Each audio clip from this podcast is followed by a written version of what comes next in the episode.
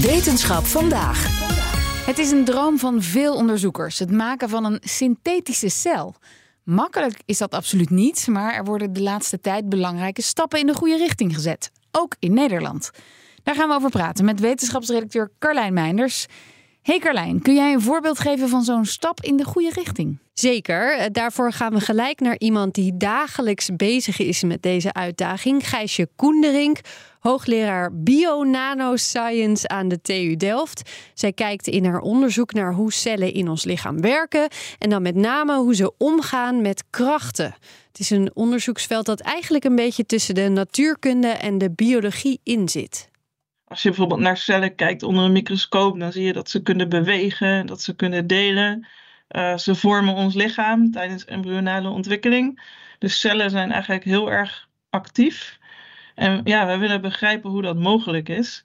En daarbij is natuurkunde heel belangrijk, omdat het eigenlijk allemaal te maken heeft met krachten, mechanische krachten. Dus cellen zijn eigenlijk in staat om zelf krachten te genereren, waardoor ze kunnen bewegen en van vorm kunnen veranderen.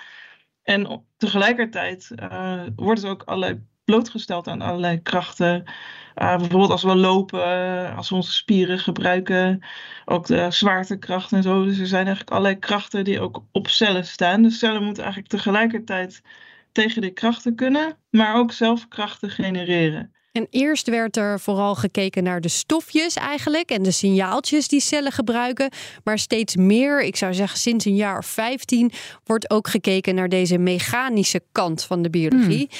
En zoiets als die krachten, dat is ook weer in elk weefsel, op elke plek in ons lichaam weer anders. Dus er valt heel veel te leren nog. Maar hoe onderzoek je hoe een cel met krachten omgaat? Ja, dat gebeurt in een, in een gel in het lab, uh, zodat ze cellen in 3D kunnen kweken. En met die structuur en de omgeving van zo'n cel kun je dan spelen om vervolgens de effecten in de cel te bekijken met microscopie. Nou kun je hiervoor cellen uit een lichaam halen. Maar wat de groep van Koendering vooral doet, is die cellen zelf nabouwen. Nou is een cel enorm complex. Hmm. Dus wordt er nu vooral gewerkt aan de verschillende onderdelen voor elkaar krijgen. Het is Koendering en haar team al gelukt bijvoorbeeld om één belangrijk deel van de cel synthetisch na te maken. Dus we willen met name bijvoorbeeld begrijpen hoe, hoe kunnen cellen de krachten genereren om bijvoorbeeld te delen of om te bewegen. En we weten dat cellen dat doen met het cytoskelet. Dat is een netwerk van eiwitdraden in de cel. Uh, en dat is een heel bijzonder netwerk van eiwitdraden, want die is een soort geraamte voor de cel, maar is tegelijkertijd een soort spier die maar zorgt voor de beweging van cellen. En dat is een heel complex systeem. En uh, ja, wij zijn in staat om eigenlijk hele simpele versies daarvan te maken die al in staat zijn om uh, synthetische cellen van vorm te laten veranderen. En, en zo'n geraamte van slierten, is dat eigenlijk in iedere cel gelijk? In de basis wel. Er zijn drie soorten van dit soort eiwitdraden. Die zijn in alle cellen aanwezig, maar er zijn verschillen. Ze zijn wel op een andere manier georganiseerd. Dus de draden zelf zijn hetzelfde, maar de manier waarop ze in de cel aanwezig zijn is anders. En in sommige cellen zijn ze bijvoorbeeld heel erg uitgerekt en in andere cellen zijn ze veel meer wanordelijk. En dat hangt echt af van de functie van een cel. Dus bijvoorbeeld een spiercel die echt moet kunnen samentrekken. Die heeft hele goed geordende cytoskeletdraden. Terwijl bijvoorbeeld een cel in de hersenen, daar is die organisatie heel anders, omdat een hersencel hele andere functies heeft. En is dan het uiteindelijke doel om zo'n cel helemaal te kunnen nabouwen? Ja, zeker. Uh, ook omdat je zo'n celonderdeeltje veel beter kunt bestuderen in een synthetische cel. Die kun je bewust veel minder complex maken, zodat je echt alleen naar de wisselwerking tussen hm. bepaalde moleculen of onderdelen kunt kijken.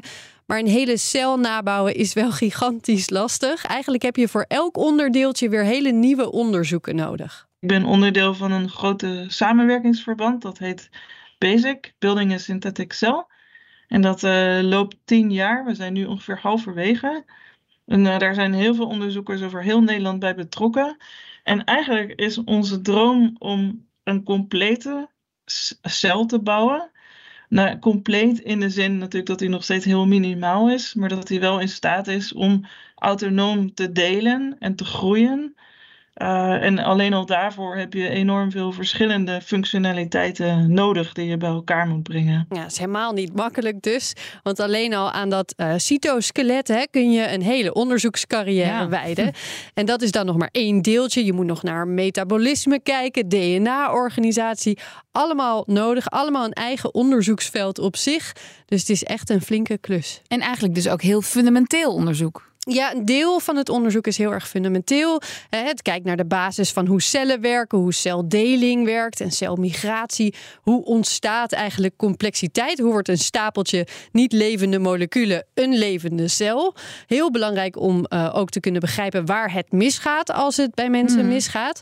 Maar ze werken ook echt al aan specifieke ziektes, onder andere in samenwerking met het Erasmus MC, waar Koendering sinds vorig jaar ook Medical Delta hoogleraar is. We hebben onder andere onderzoek lopen op het gebied van kankercelinvasie, dus metastase. Dus inderdaad het proces wat kankercellen in staat stelt om uh, zich te verspreiden door het lichaam. Daarnaast uh, doen we ook onderzoek naar uh, kraakbeenherstel. Dus dat is eigenlijk meer regeneratieve geneeskunde. Kunnen we de interacties tussen cellen en een omgeving zo sturen dat je kraakbeen kunt herstellen. en we zijn recent ook begonnen aan een onderzoek op het gebied van fibrose. En dat is eigenlijk een ziekte die heel veel parallellen heeft met kanker. Dus ondanks dat het erg fundamenteel onderzoek is, hebben we er absoluut ook nu al wat aan. Dankjewel, Carlijn Meinders. Ook Harm Edens vind je in de BNR-app. Je kunt BNR Duurzaam niet alleen live luisteren in de app, maar ook terugluisteren als podcast, zoals al onze podcasts. En naast dat de BNR-app Breaking News meldt, houden we je ook op de hoogte van het laatste zakelijke nieuws. Download nu de gratis BNR-app en blijf scherp.